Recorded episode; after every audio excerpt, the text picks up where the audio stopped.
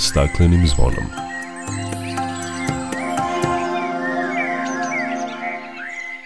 Dobar dan, dobrodošli na Zeleni talas prvog programa radija Radio Televizije Vojvodine. Ja sam Dragana Ratković. Ekonomski oporavak sveta od pandemije podiže emisiju gasova s efektom staklene bašte koji utiču na klimatske promene, a kao njihova direktna posledica ubrzano se topi sneg na Artiku, ali i bukte požari gore na stotine hiljada hektara šuma širom sveta. Prekomerno trošanje prirodnih resursa dovelo nas je do toga da trošimo više od onoga što imamo i od 29. jula svet je ušao u ekološki dug. Govorit ćemo o tome kako zaustaviti ubrzanu potrošnju prirodnih resursa i smanjiti zaduženje koje se s godinama povećava.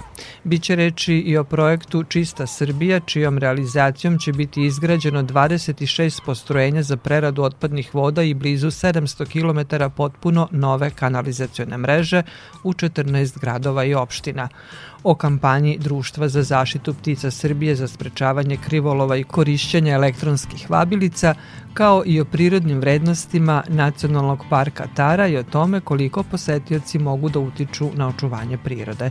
Toliko u najavi ovim i drugim temama opširnije nakon pozdravne pesme. Dok priroda kraj nas plače za vladarskim svojim tronom tužno vele narikače pod staklenim smo zvonom Znaj vazduha više nema Sve manje Protiv sebe ide čovek I to često Bez pardona. Uništenju živog sveta Kao da su ljudi skloni Čovek sam je sebi meta Zbog njega ovo zvono zvoni Uništenju živog sveta Kao da su ljudi skloni Čovek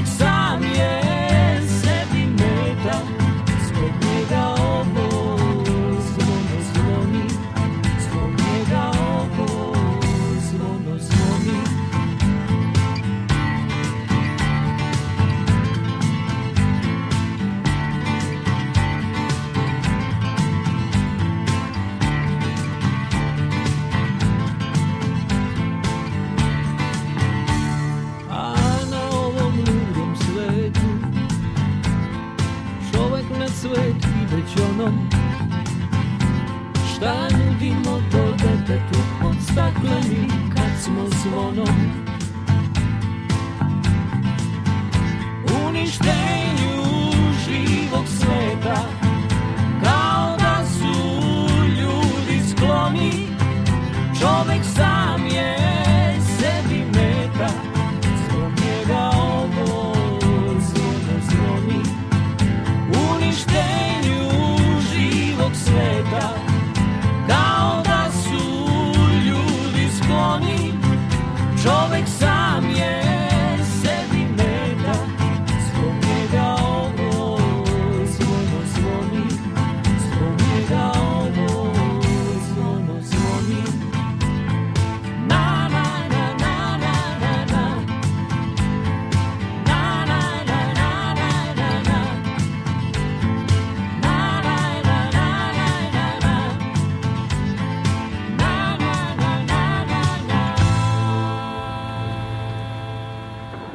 Klimatske promene uzrokovale su visoku temperaturu širom Arktika, pa je Grenland topljenjem izgubio 28. jula ogromnu količinu leda, oko 22 gigatona, dovoljnim da pokrije američku državu Floridu, ocenili su naučnici.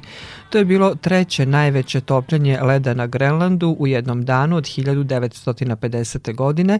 Druga dva rekorda dogodila su se 2012. i 2019. godine.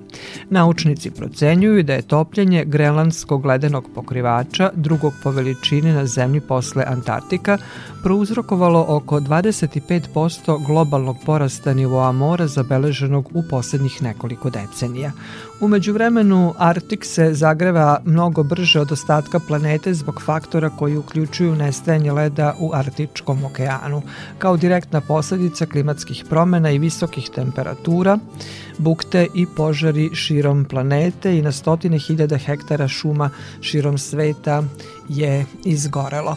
Požari bukte u šumama Grčke, Turske, Sjedinjenih američkih država, a i sata u sat izbijaju novi. Iako su u Grčkoj požari česta pojava leti, stručnjaci upozoravaju da bi klimatske promene mogle povećati njihovu učestalost, a visoke temperature koje dnevno prelaze i 44 stepena Celzijusa najverovatniji su uzrok ove prirodne katastrofe. Gorelo je i u Hrvatskoj, ali i kod nas na Mokroj gori, Zlatiboru i Tari.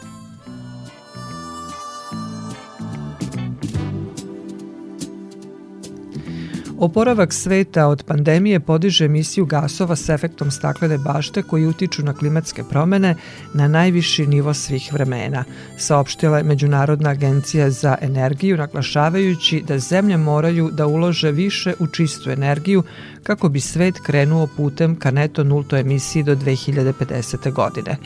Globalni oporavak od pandemije COVID-19 dovešće do toga da emisija gasova s efektom staklene bašte koji utiču na klimatske promene poraste na najviši nivo svih vremena. Procenjuje se da bi potpuna primena najavljenih mera ekonomskog oporavka rezultirala povećanjem emisije ugljen dioksida do rekordnog nivoa u 2023. godini, nastavljajući rast i u buduće a prekomerno trošenje prirodnih resursa dovelo nas je da trošimo više od onoga što imamo, pa se zadužujemo i ulazimo u ekološki dug. Dan ekološkog duga je dan kada potrebe čovečanstva prema prirodi nadmašuju ono što zemljini ekosistemi mogu da obnove u jednoj godini. Prema podacima mreža za globalni ekološki otisak, svet je ove godine u ekološki dug ušao 29. jula, a Srbija dva dana kasnije, pošto je potrošila prirodne resurse koje ekosistemi mogu u godini da obnove. Do kraja godine živećemo od resursa pozemljenih od budućih generacija. Za razliku od prošle godine, dan ekološkog duga obeležen je 22. avgusta, što je bila posledica promene ponašanja u borbi protiv pandemije COVID-19. Ove godine se taj dan vratio na kraj jula, što je tek dva dana kasnije u odnosu na 2019. godinu. Kako zaustaviti ubrzanu potrošnju prirodnih resursa i smanjiti zaduženje koje se s godinama povećava, čućemo od Duške Dimović i iz WWF Adria. Uzrok e, povećanja našeg ekološkog otiska je zapravo način života koji vodimo na nivou ljudske populacije. Znači, sve više nas živi u gradovima, procene su da do 2050. znači u narednih 30 godina, između 75% i 80% svetske populacije će biti u gradovima. Samim tim što živimo u gradovima i naša tehnologija napreduje i uopšte imamo viš, visoko potrošački način života, koristimo sve više energije.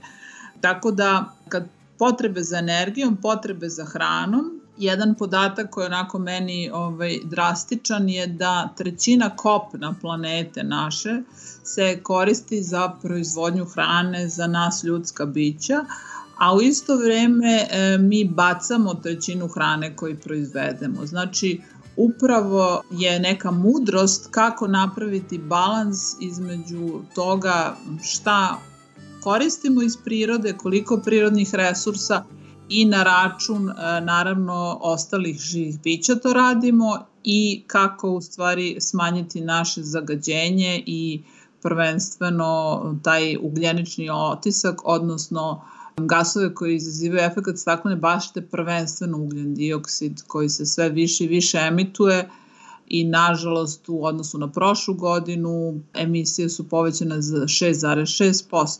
Ekonomske mere koje se preduzimaju za oporavak od pandemije nagoveštavaju da će potrošnja prirodnih resursa rasti u narednim godinama, Otkrivaju se nova naftna polja, fosilna goriva i dalje igraju značajnu ulogu u proizvodnji struje, a na globalnom nivou očekuje se i porast proizvodnje struje iz uglja, što sve ukazuje na to da će potrošnja prirodnih resursa rasti, ali i s tim i emisije ugljen dioksida. Pa da, upravo neke mere koje su preduzete za oporavak ekonomske e, nisu usklađene sa onim što zovemo zeleni razvoj koji predstavlja u stvari način održivog razvoja koja je mnogo manje štetan po prirodu.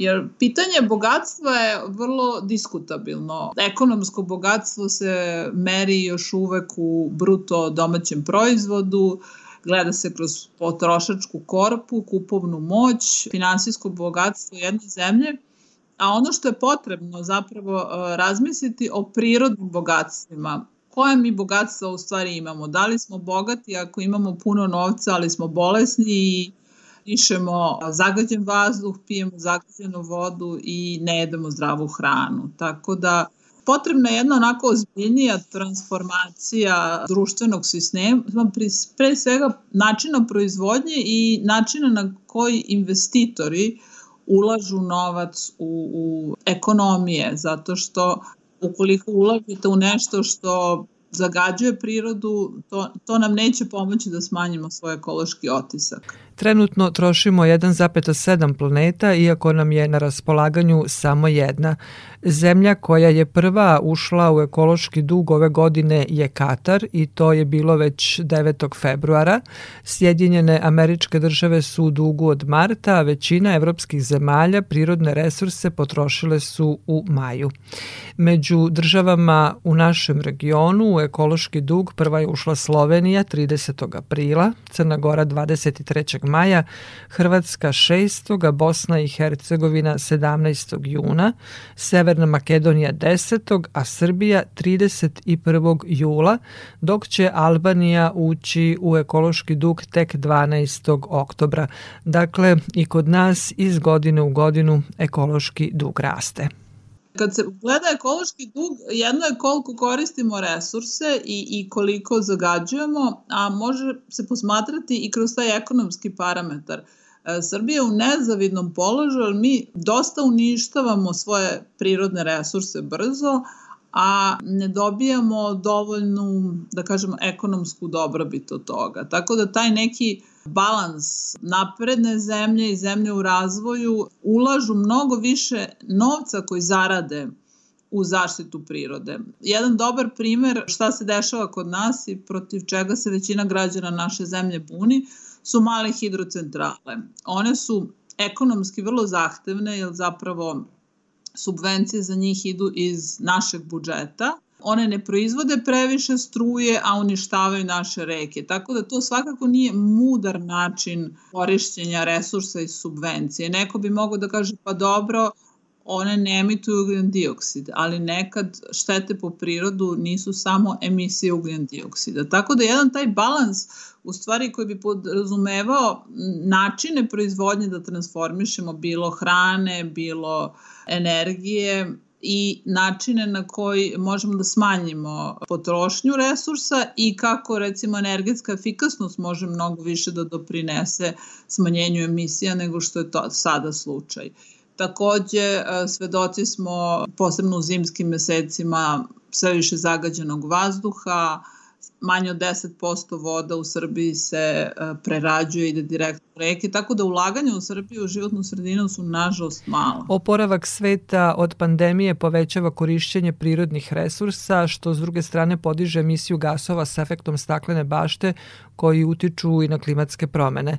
Ambiciozni plan sporazuma iz Pariza ima za cilj smanjenje emisije ugljen dioksida na nulu do 2050. godine kako bi ograničili poraz globalne temperature na 1,5 stepeni Celzijusa. Možemo li ostvariti taj cilj ako se ovako rasipno ponašamo sa prirodnim resursima? Ono što, što nekako pruža nadu da su kompanije, da su investitori razumeli opasnosti u kojima se nalaze. Ono što pruža nadu i malo optimizma je da su velike multinacionalne kompanije, a samim tim i sve, svi ostali investitori počeli da razumeju da ulaganje u neke čiste izvore energije, u održivi razvoj, održivu proizvodnju, znači način na koji mi nešto proizvodimo je bitan transformisati i nekako politika i ekonomija ove, idu zajedno, uvek su išle i dosta se očekuje od konferencije u Glazgovu.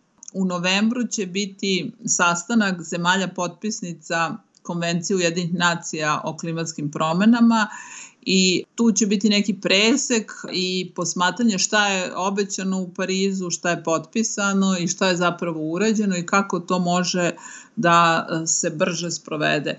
Jer nekako čini se da, da je lakše nešto napraviti novo nego promeniti nešto staro. Ovaj. To isto kad posmatramo nas i menjanje naših navika, isto to bih rekla da važi i za ekonomije i za politiku. Smanjenje ekološkog otiska i ekološkog duga zahteva odgovornije ponašanje i donosilaca odluka i onih koji se bave ekonomijom, ali i svih nas. Upravo tako. Nažalost, priroda nije kao banke, ne može da nam refinansira dug. E, naš ekološki dug raste zapravo krajnje vreme da stvarno i mi kao pojedinci, ali i tražimo od ljudi koji su odgovorni mnogo jasnije i glasnije da, da očuvamo prirodu, da zaštitimo e, sve što, što jeste za zaštitu i da obnovimo, jer sve češće se priča o rešenjima zasnovanim na prirodi, upravo kao prilagođavanje na klimatsku krizu, na krizu gubitka biološke raznovrsnosti, jesu ta rešenja koja su zasnovana na prirodi, ali pomažu ljudima i donose nam neke socijalne dobrobiti. Dakle, rešenja postoje, ona su u prirodi, samo treba da promenimo način ponašanja. Duška, hvala vam za razgovor. Hvala vam. Bila je to Duška Dimović iz Svetske organizacije za prirodu WWF Adria kancelarije u Beogradu. Sick and tired of being sick and tired Had as much of you as I can take I'm so done, so over being afraid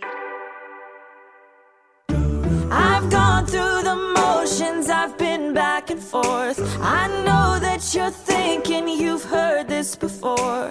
I don't know how to say it, so I'm just gonna say it. Yeah. Fear you don't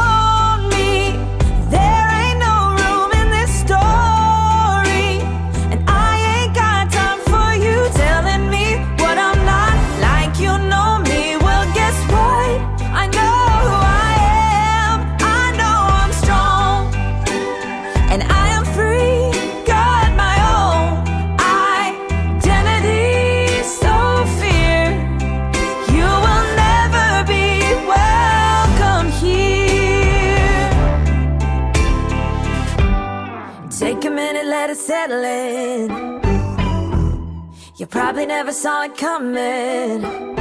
Something's gotta give, so I give up you. Oh, there's no room for you here, yeah, I've had enough. The no vacancy sign on my heart is lit up. In case you didn't hear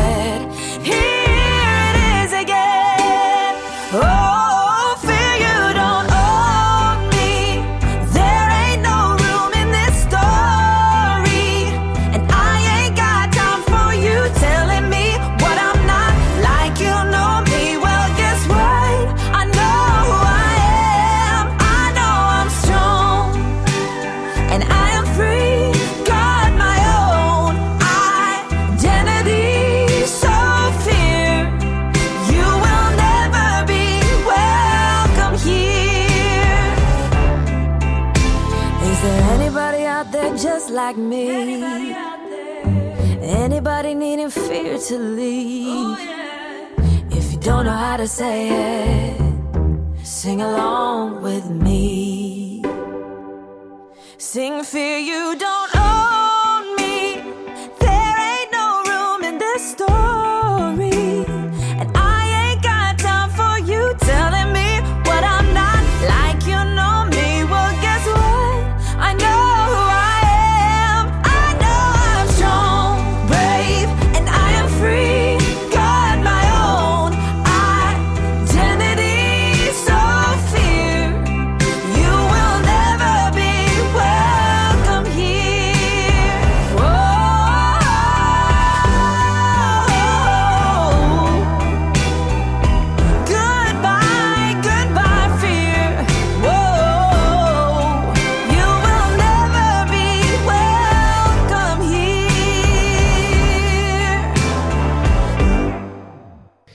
Slušate emisiju pod staklenim zvonom.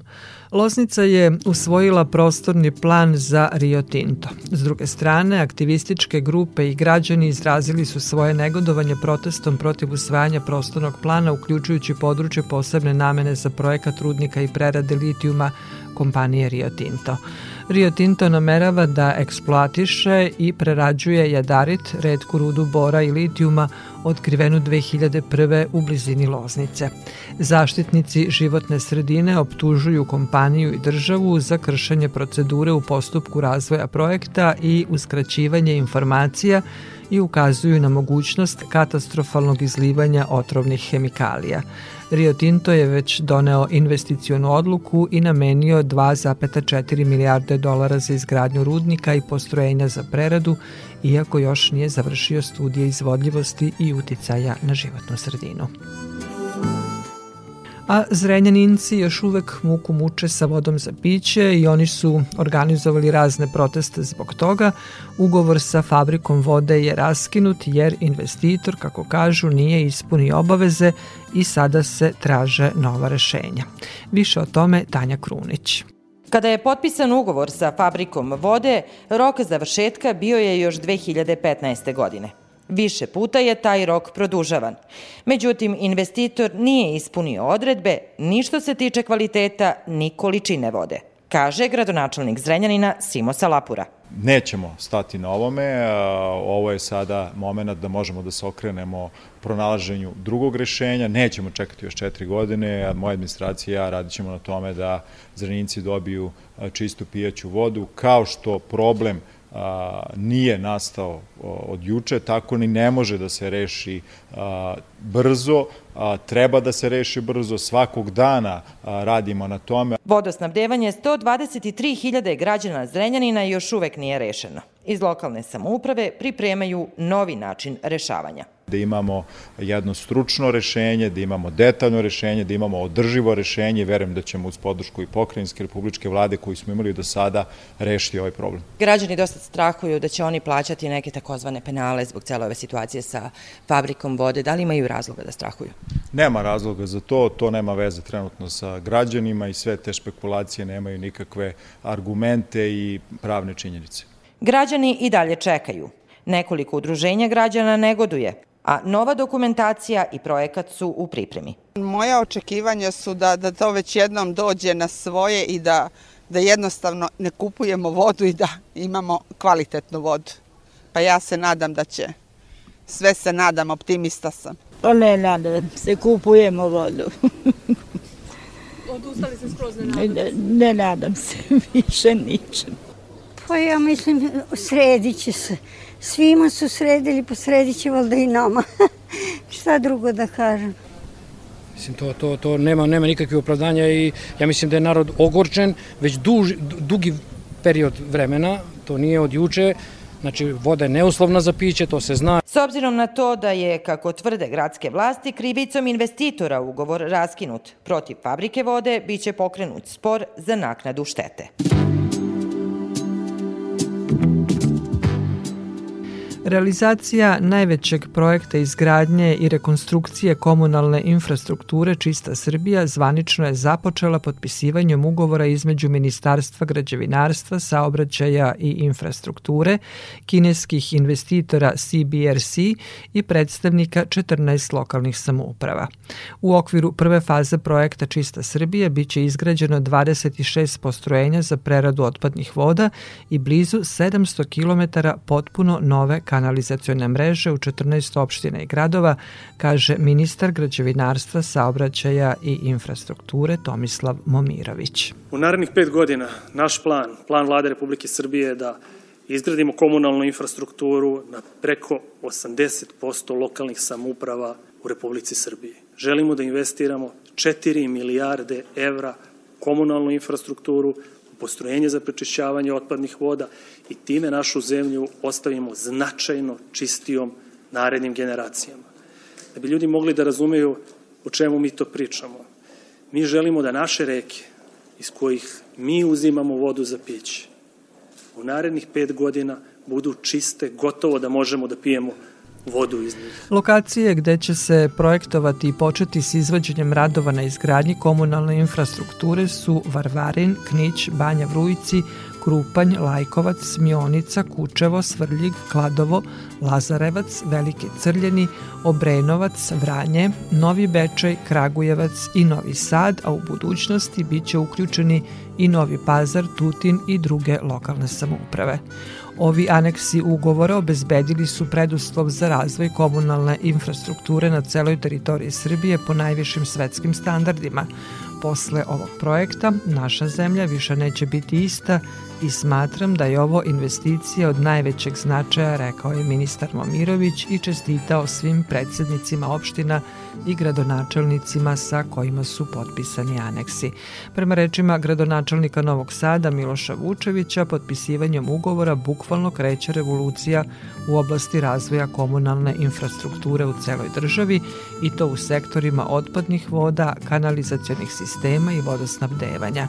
Grad Novi Sad je među opštinama koje su ušle u program Čista Srbija i to je najveći pojedinačni projekat ulaganja u komunalnu infrastrukturu u našem gradu, kaže Vučević. I od danas praktično kreće bukvalno revolucija u Srbiji u pogledu komunalne infrastrukture u sektoru otpadnih voda, kanalizacijonog sistema i vodosnabdevanja, nešto što je bila ne više decenijska nego vekovna želja i očekivanja, zahtevi naših meštana, bez obzira da li pričamo o južnoj, istočnoj, zapadnoj, centralnoj i severnoj Srbiji, bukvalno iz svih delova Srbije imamo opštine, gradove, danas se realizuje, odnosno stvaraju se pretpostavke da krene realizacija. Mi smo zaista ponosni na ovaj put koji nije lako, ovo nije samo neki papir koji je neko izneo pa se je danas stavljen potpis. Dugo je pripremano, dugo je razgovarano, razgovarano na nivou ministarstva građevine i lokalnih samuprava, razgovarano sa partnerima iz CRBC-a, napravljen najbolji, najbolji mogući aranžman, pre svega aranžman koji je u interesu naših građana u svim ovim opštinama i gradovima i Srbija jeste na putu da bude čista, da bude zelenija, da bude zdravija, da bude bolje mesto za život. Što se tiče mog grada, ja mogu samo kažem da Novi Sad ovim ugovorom, a neko sam ugovora dobije investicije od gotovo 3 milijarde dinara, da ćemo rešiti kanalizaciju mrežu rekonstruisati na Limanu 1 i Limanu 2, da ćemo rešiti kanalizaciju na najstarijem delu Novog Sada, Podbari, i da će konačno naseljena mesta Kisač, da žive pretežno slovačka nacionalna zajednica i Čenej dobiti kompletnu kanalizaciju, s tim što će Čenej dobiti i prečistač. To su velike stvari, evo samo za grad Novi Sad 3 milijarde dinara. Kad saberete sve ostale opštine i gradove, vidjet ćete da se radi ozbiljnim, ozbiljnim ciframa izdavo 336 miliona evra. Gradonačelnik Novog Sada izrazio je spremnost Novosadske lokalne samouprave da odmah počne sa realizacijom svih navedenih projekata.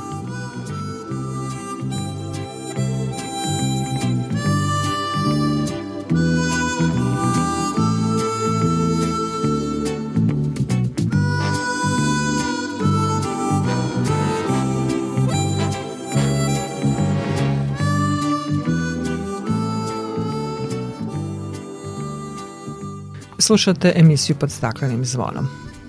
Slušajte. Znate li šta je to? Da li noću u poljima čujete ovaj zvuk koji se često ponavlja? E tako se glasaju prepelice. Ali to nije prepelica.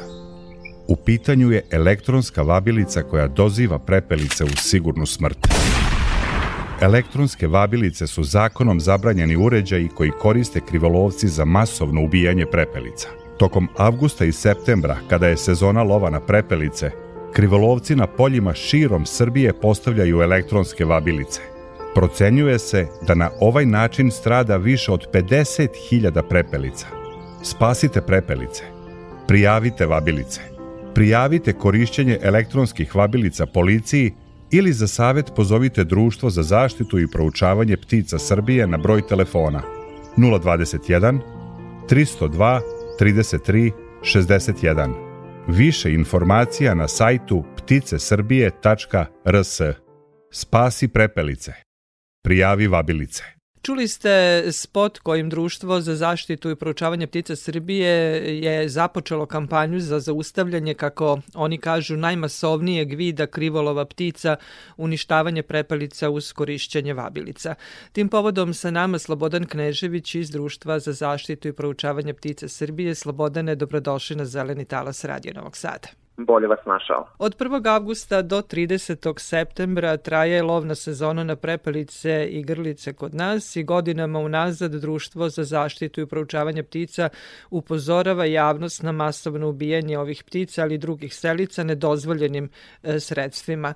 Lov prepelica kod nas je posebno problematičan jer se gradi uz korišćenje nedozvoljenih sredstava elektronskih vabilica koje su zakonom zabranjene. Slobodane priča godinama ne jenjava. Svake godine pričamo o tome da bi trebalo ili zabraniti lov ili zabraniti korišćenje nedozvoljenih sredstava kao što su vabilice. Pa da, ali ono što je u odnosu na prethodne godine drugačije jeste da su nas makar deklarativno u ovoj borbi podržala nas i država, Naime, vlada Republike Srbije je izdala zaključak kojim se nalaže većini ministarstava u vladi, makar onima koji imaju dodirnih e, tačaka sa lovom ili krilolovom, kao što su Ministarstvo zaštite životne sredine, Ministarstvo poljoprivrede, šumarstva i vodoprivrede, Ministarstvo unutrašnjih poslova, Ministarstvo pravde, da aktivno započnu borbu protiv uništavanja ptica u Republici Srbiji. Ono što smo mi želeli svojim oglašavanjem, da kažemo, na početku ove, možemo slobodno reći, još jedne krivolovačke sezone, hteli smo da ukažemo na to da je država rekla da je to ozbiljan problem sa kojim ona mora ozbiljno da se nosi. Ako je neki trenutak pogodan za to, to je ovaj trenutak, avgust, septembar, kada se dešava najmasovniji, najvidljiviji, najslikovitiji, najlakše možda rešiv problem uništavanja ptica, a to je krivolov prepelica uz korišćenje elektronskih vabilica. Nismo samo mi rekli da su elektronske vabilice zabranjene, ono što je bitno da istaknemo jeste da je i e, Lovački savez Srbije upozorio sve svoje članove da elektronske vabilice nisu dozvoljene za korišćenje u lovu i svako ko koristi elektronske vabilice krši zakon. Šta smo mi želeli i ovim spotom i uopšte ovom kampanjom jeste da kažemo svim građanima i građankama koji čuju u svom okruženju elektronske vabilice, oni su imali prilike u ovoj vašoj emisiji da čuju kako se čuju elektronske vabilice, da te slučajeve i prijave policiji, a za svu podršku mogu se obratiti i nama. Mi ćemo tokom avgusta i septembra takođe pronalaziti i prijavljivati slučajeve korišćenja vabilica, ali pozivamo i građane da nas podrže u toj borbi, jer nema ničega časnog za one lovce koji drže za sebe da su časni i pošteni lovci, da ne prijave korišćenje elektronskih vabilica. A nije moguće da mi gde god odemo širom Srbije, širom Vojvodine, da mi kada prvi put dođemo u neko naseljeno mesto, da mi iz centra mesta možemo da čujemo elektronske vabilice, a da ih, na primer, ne može čuti lovočuvar ili neki drugi lovac koji taj atar i taj prostor poznaje kao svoj džep. Slobodana, u čemu je onda problem, jer zbog takvog načina krivolova strada godišnje od 50 do 60 hiljada jedinki prepelice i time se brojnost, njihova brojnost drastično smanjuje iz godine u godinu. Pa problem je u tome što e, nema odlučnosti da kažemo da se probere žito od kukolja. Pre svega tu mislim na lovačka udruženja gdje prosto nema hrabrih, iako lovce treba da karakteriše i hrabrost između ostalih e, kvaliteta, nema hrabrih da, da se obračunaju sa ovim problemom u svojim udruženjima. Nama je jasno da država možda ne može da razume koliki je značaj opstanka jedne vrste. Ali lovci koji za sebe smatraju da su zaštitnici i ljubitelji životinja bi to morali da znaju. Tako da u tome je problem. E, prepelica i ako ćemo njoj dodati i još ugroženiju grlicu, se suočavaju sa ozbiljnim problemima kao što su nestanak staništa, manjak e, hrane, klimatske promene i onda na sve to dodate problem krivolova koji je direktan, to je direktno ugrožavanje. Razumete, klimatske promene se ne dešavaju da bi uništile prepelicu i igralicu, one se dešavaju svima i nama ljudima i prepelicama i igralicama. Ali mi ljudi imamo svest i možemo da kažemo da mi ugrožene vrste, kakve su prepelica i igralica, nećemo krivoloviti. Ono što će dovesti ovakva situacija jeste da, da će lov na ove vrste morati biti potpuno zabranjen. I to je realna situacija već, već sada ali nekako državne institucije i uopšte lovački savezi poklevaju da ovaj problem koji je zaista veliki i zbog kojih mi kao zemlja trpimo međunarodne pritiske kada su u pitanju kada je u pitanju zaštita prirode da moramo nešto učiniti. I ovaj zaključak vlade jeste upravo reakcija na te pritiske koji dolaze od međunarodne javnosti koji kažu vi imate probleme koje ne rešavate. Mi ćemo sada videti na delu da li je država spremna da reši jedan jednostavan problem, a to je da državne institucije krenu aktivno da kažnjavaju korišćenje elektronskih vabilica. Mi procenjujemo da širom Srbije e, radi više od 800 stotina ovih uređaja. I nemoguće je da sad tokom avgusta i septembra vi izađete u atar bilo gde u Srbiji i da ne čujete elektronske vabilice. Mi nemamo specijalan sluh. Mi nemamo nikakvu specijalnu opremu kojim pronalazimo i prijavljujemo vabilice.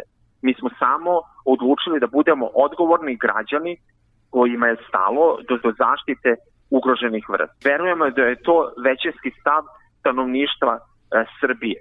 Ono što je bitno da se istakne jeste da je mnogo više onih koji nisu lovci nego koji su lovci.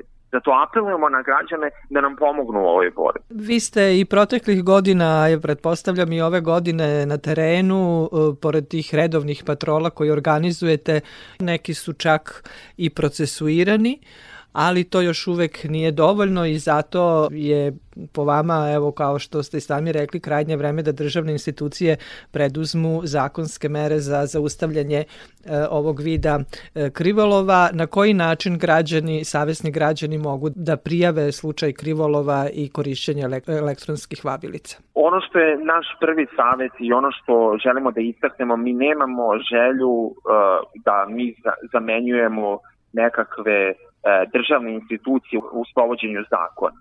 To nije naš posao. Mi smo organizacija civilnog društva, mi smo građanska organizacija i ono što je naš zadatak jeste da kada se suočimo sa kršenjem zakona da mi to i prijavimo. To je savet i za građane.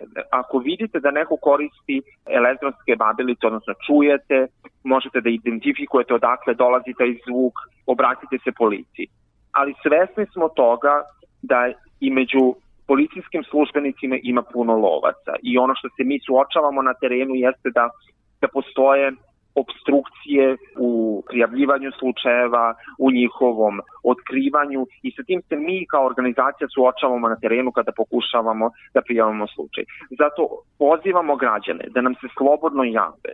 Mi smo organizacija koja će im garantovati da njihov identitet neće biti nikome otkriven. Nama je samo bitno da mi imamo što više informacija gde se te uređaji koriste i da te slučajeve što bolje prijavimo nadležnim organima kako bi se oni koji su počinioci tih krivičnih dela prosto bili kažnjeni i bili procesuirani. Svi građani i građanke mogu da nas jave na broj telefona 021 302 33 61. Obratite nam se, prijavite nam korišćenje elektronskih vadilica i onda ćemo zajedno pokušati da ovom problemu stanemo na put.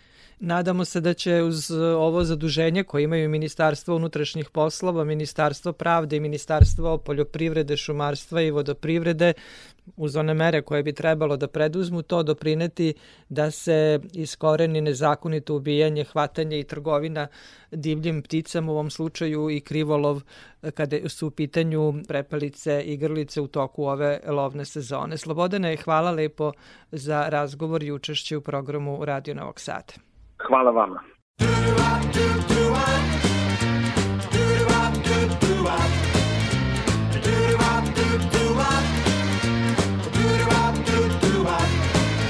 Lipstick, powder and paint, lipstick, powder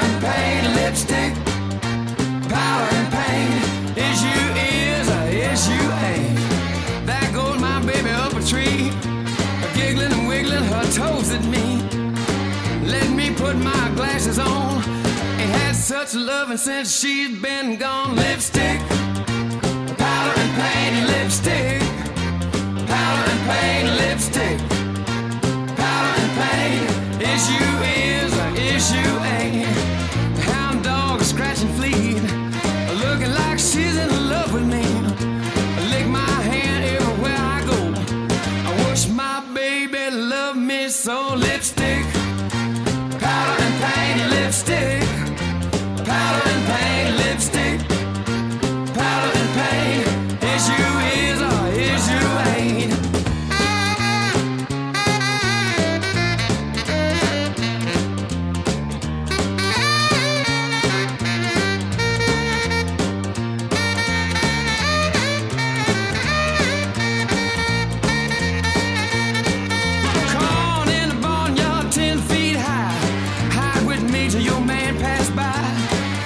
you sneeze and don't you cough. If you get dusty, I'll brush you off. Lipstick, powder and paint, lipstick, powder and paint, lipstick, powder and paint. Is you is or is you ain't?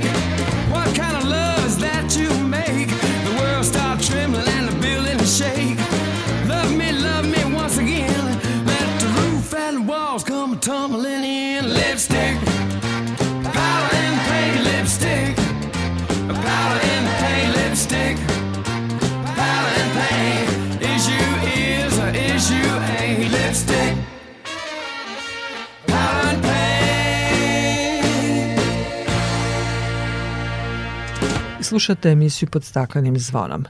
Vreme je godišnjih odmora i mnogi se odlučuju da leto provedu u prirodi. Jedna od destinacija koju Vojvođani rado posećuju je Nacionalni park Tara, koja se odlikuje prirodnim lepotama i bogatim biodiverzitetom. O prirodnim vrednostima nacionalnog parka, kao i o tome koliko posetioci mogu da utiču na očuvanje prirode, razgovaram sa rukovodiocem službe turizma i edukacije u Nacionalnom parku Tara, Rankom Milanovićem. Ranko, dobrodošli na Zeleni talas Radio Novog Sada. Dobar dan, hvala na pozivu. Nacionalni park Tara ove godine obeležio je 40 godina od proglašenja i ono po čemu je Tara poznata i zbog čega privlači mnoge posetioce, to su njene šume koje spadaju u najbogatije i najvrednije šumska područja Evrope. Tako je, Tara je 13. jula, da kažemo, zvanično obeležila taj jubilej 40 godina od kako je dobila status nacionalnog parka Tara i upravo osnovni fenomen nacionalnog parka Tara jesu šume. Razlikuje se nekih 40 šumskih zajednica, odnosno dominiraju uglavnom mešovite šume, jele, bukve i smrče. Naravno tu je i pant Ćeomorika kao jedan od simbola ne Tare nego, nego naše zemlje ali uopšte taru znači odlikuje velika biološka raznovrsnost, znači kada govorimo i o biljnem i o životinskom svetu, dosta različitih fenomena, odnosno dosta specifičnosti koje krase ovo područje. S obzirom da su šume e, nešto što odlikuje nacionalni park Tara, kakva je trenutno situacija s obzirom da znamo da ovih dana bilo i požara?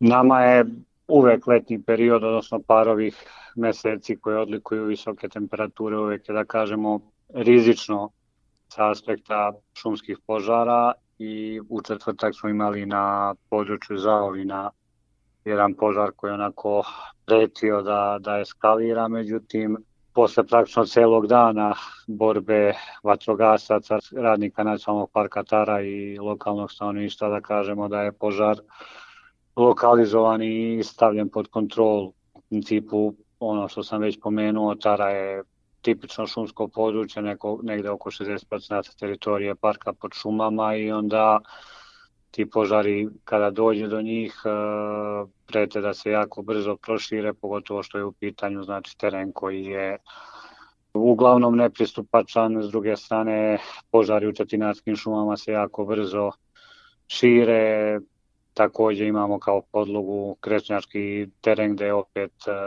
požar može praktično pod zemljom, ispod površine zemlje da se širi, tako da to sve pogoduje ovaj širenju požara i kažem uvek se trudimo da, da, da budemo na oprezu. Da, štete su uvek e, ogromne, evo i svedoci smo e, proteklih dana upravo zbog visokih temperatura, gorelo je širom sveta i u Americi i Australiji, u našoj blizini Grčka, Turska, Hrvatska, imali smo požare i na Mokroj gori, Zlatiboru, evo i na Tari. Štete su nenadoknadive, ne samo ekonomske, nego posebno ekološke. To je teško, teško neke stvari se mogu ekonomski prikazati, ali sama ekološka šteta je nemerljiva, znači kad govorimo sad o o tim šumskim požarima, znači ono što što se ekonomski može izmeriti jeste količina te šume koja je koja je stradala, ali da bi se sama šuma obnovila na tim lokalitetima potrebno je da prođu decenije. S druge strane, pitanje je sad gde je izbio požar, koje vrste tu žive, kakav je utjecaj direktno na konkretna staništa, tako da neke stvari jednostavno povratka nema. Posledice se generalno sagledavaju godinama za nama. Trenutno i na, na granici sa između Srbije i Bosne imamo požar u staništu Pančićeve omorike, što je opet ovaj jedna od naših najznačajnijih vrsta, tako da kažem te, te stvari jednostavno ne mogu se ekonomski iskazati. Pomenuli ste Pančićevu omoriku i, i eto nepovratno uništena staništa Pančićevo omorike. Znamo da na Tari je negde zabeleženo oko 1200 biljnih vrsta koje čine trećinu flore Srbije, a posebno i najznačajnije zauzima mesto Pančićeva omorika koja predstavlja i simbol naše zemlje. Tako je, Tara kažemo floristički jako, jako bogata, kao što ste rekli, eto svaka treća biljka koja raste u Srbiji raste na, na Tari kažem, to je uvek izazov ovaj, sačuvati svo to, svo to bogatstvo i upravo Morika je tu, da kažemo, u jednom kričnom periodu usled klimatskih promjena i svega dolazi do, do, do sušenja stabala, odnosno sabijeg uh, obnavljanja populacije. S druge strane tu su i ti prirodni hazardi poput požara i svega, tako da eto to su nam neki, neki zadaci u bliskoj budućnosti sačuvati svo to blago koje ovo područje ima. Ono što još simbolizuje nacionalni park Tara, to je mrki medved, jer je to jedno od najznačajnijih staništa mrkog medveda u Evropi i mnogi posetioci čuli su i pročitali da se viđa u blizini nekih naselja, pa mnogi imaju tu neku dozu straha da ne bi se susreli sa, sa medvedom. Tara jeste svakako jedan najznačajnijih regionalnih centara i najznačajnije stanište medveda u našoj zemlji procena je da je to nekih 60-70 jedinki koji žive na ovom prostoru. E sad, mi smo na, na njihovoj teritoriji, tako da to kažu uvek postoji da kažemo, teorijski verovatnoća da, da se sretne medved. Na sreću, znači, nije bilo nikakvih incidentnih i rizičnih situacija, uglavnom su to bili susreti, da kažemo, sa neke bezbedne udaljenosti. Niko vam ne može garantovati da se to neće desiti, a s druge strane da se tako nešto desi, šanse su opet jako, jako male, tako da se to može smatrati i privilegijom. U svakom slučaju, ako dođe do tako neke ovaj situacije, ne treba paničiti u principu ni jedna životinja, pa ni medved ne vidi čoveka kao, kao svoj plen. S druge strane, sve životinje imaju bolje izražena čula nego što to ima čovek, tako da uglavnom pobegnu pre nego što se mi njima približimo i što ih primetimo, ali kažem, ako dođe do takvih situacija, jednostavno da, da svako ode svojim putem. Da, treba se kretati obeleženim stazama i, i na neki način ne uznemiravati. Pa da, treba se kretati obeleženim stazama, s tim što uvek je zahvalno kretati se u nekim grupama, i ne sada pravite neku buku i da unosite neki nemir u stanište, ali zgodno je ovaj da kažemo da budete glasni, odnosno da budete dovoljno primetni da, da vam se životinje sklone sa puta. Prošle godine zbog e, COVID-19 imali smo specifičnu situaciju, mnogi su odlučili da e, neko vreme i odmor e, provedu u nacionalnom parku Tara. Kakva je ove godine situacija i da li neki priliv posetilaca može da utiče i na zaštitu ovih prirodnih vrednosti i biodiverziteta o kojima smo govorili? Prošla godina jeste bila jako ekstremna i da kažem neočekivana za nas za upravljača. To što se desilo kao posledica korone jednostavno je bio prevelik broj posetilaca i najveći problem koji se tada ovaj dešavao jeste bilo praktično fizička gužva, fizička opterećenost pojedinih lokaliteta. Sami ljudi se uglavnom kretali onim najpopularnijim lokalitetima, da kažemo ti nekim ustaljenim rutama, nisu mnogo eksperimentisali, da kažem, po, po prirodi mimo, mimo staza i opet ajde da kažem sve u svemu s obzirom i broj ljudi koji je boravio tu i sve možemo reći da nije bilo nekih velikih problema na terenu. Ova godina je opet dosta drugačija, negde je generalno utisak da smo se, da kažemo, vratili u neku normalu, pa možda je ovaj i poseta i, i manja od onoga što je bilo, da kažemo, u normalnim godinama. Recite kako se posetioci ponašaju, da li se pridržavaju pravila ponašanja u nacionalnom parku? U principu većina posetlaca koji dođe ovde kod nas, da kažemo, svesni su toga gde su došli i u skladu sa tim se i ponašaju, odnosno trude se da ispoštuju ta neka pravila i da kažemo ograničenja koja nameće zašta prirode. Naravno uvek ima izuzetaka, to je opet, ajde da kažemo, da se vratimo na prošlu godinu, bilo dosta ovaj vidljivo, mnogo ljudi koji da kažemo nisu ovaj s te strane spremni za, za boravak u prirodi i sve ono što ovakva mesta mogu da ponude i smo se na one naše posetioce koje da kažemo i očekujemo. Dakle, Nacionalni park Tara može da primi sve one koji žele da dođu, ali pravila ponašanja u Nacionalnom parku postoje i lepo bi bilo da se e, toga pridržavamo i da sačuvamo sve one prirodne vrednosti ovog nacionalnog parka, dakle da ne bacamo smeće, ne remetimo mir u prirodi i da prosto jednostavno dođemo i uživamo, a ima mesta za sve. Ranko, hvala vam lepo za razgovor i učešću u programu Radio Novog Sada, što ste nam evo dali jednu ovako, da možemo slobodno reći, ekoturističku razglednicu Nacionalnog parka Tara. Hvala vama na pozivu. Došli smo do kraja emisije pod staklenim zvonom koju možete slušati i odloženo na podcastu Radio Televizije Vojvodine na adresi rtv.rs. Na pažnji vam zahvaljuju Dalibor Vidović, Zoran Gajinov i Dragana Ratković. Naredni susret zakazujemo za sedam dana u isto vreme na zelenom talasu prvog programa radija Radio Televizije Vojvodine.